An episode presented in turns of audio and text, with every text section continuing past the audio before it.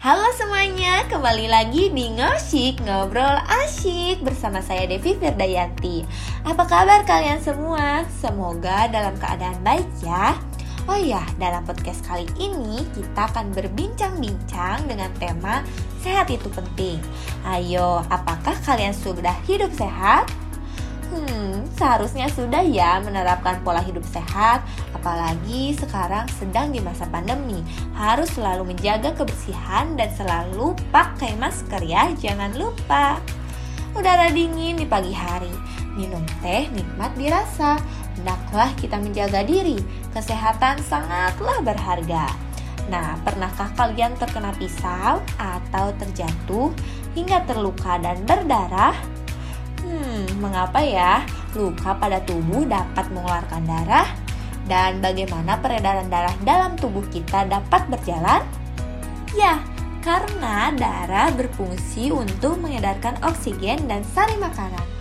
Oksigen dan sari makanan akan diedarkan ke seluruh bagian tubuh. Darah beredar dari dalam tubuh melewati pembuluh darah. Selain itu, darah berfungsi mengedarkan oksigen dan karbon dioksida hasil pernafasan. Peredaran darah di dalam tubuh manusia juga terjadi melalui organ peredaran darah, yaitu jantung dan pembuluh darah.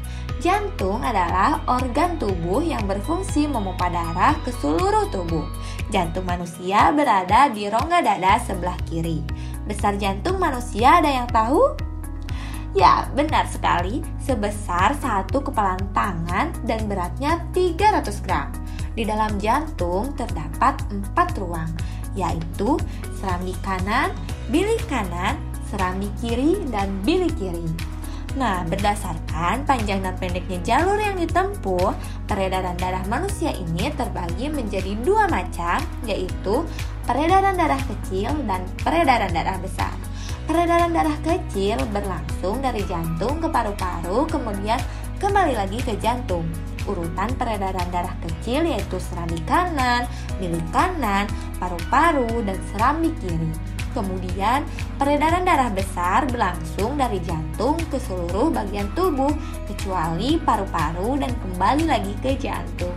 Urutan peredaran darah besar adalah serambi kiri, bilik kiri, seluruh tubuh, kemudian ke serambi kanan. Nah, sebagaimana yang kita tahu bahwa manusia rentan dengan berbagai macam gangguan pada organ tubuhnya, di antaranya gangguan pada organ peredaran darah. Apa ya penyebab gangguan organ peredaran darah manusia? Dan apa saja jenis gangguan pada organ peredaran darah manusia? Si Nana mengayuh sepeda, lidahinya penuh peluh. Wahai anak-anak muda, sehat itu pasti kamu butuh. Itu pantun bukan sembarang pantun. Pantun tersebut menurutku bermakna bahwa kita harus selalu rajin berolahraga. Penyebab terjadinya gangguan pada organ peredaran darah manusia dapat terjadi karena dua faktor, yaitu non-keturunan dan faktor keturunan. Gangguan pada organ peredaran darah non-keturunan dapat disebabkan oleh pola hidup dan makanan yang tidak sehat. Apa saja ya? Hmm, misalnya terlalu sering mengkonsumsi makanan berlemak tinggi dan makanan yang berkadar kolesterol tinggi. Gangguan pada organ peredaran darah manusia non keturunan yaitu ada anemia. Nah, gangguan ini disebabkan karena rendahnya kadar HB dalam darah. Rendahnya kadar HB ini dapat disebabkan karena makanan yang dikonsumsi kurang mengandung zat besi. Ciri-ciri penderitanya adalah mudah lelah dan sering merasa pusing. Siapa nih di sini yang sering merasakan pusing? Hati-hati ya, harus segera cek ke dokter ahli, takutnya terlambat dalam penanganan. Hi, serem ya, jangan sampai. Kemudian ada jantung koroner. Nah, ini merupakan suatu gangguan jantung yang disebabkan oleh penumpukan lemak darah atau kolesterol pada arteri koronaria. Nah, selain itu ada faktor gangguan peredaran darah karena faktor keturunan, yaitu ada hemofilia. Gangguan ini disebabkan adanya kelainan yang menyebabkan darah sulit membeku jika terjadi luka. Kemudian ada thalassemia. Nah, gangguan ini adalah bentuk sel darah merahnya tidak beraturan. Hal ini menyebabkan daya ikat sel dalam darah terhadap oksigen dan karbon dioksida menjadi berkurang.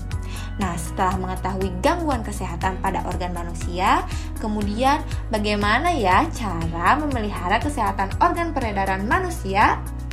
Hmm, apakah kalian suka membuka jendela kamar?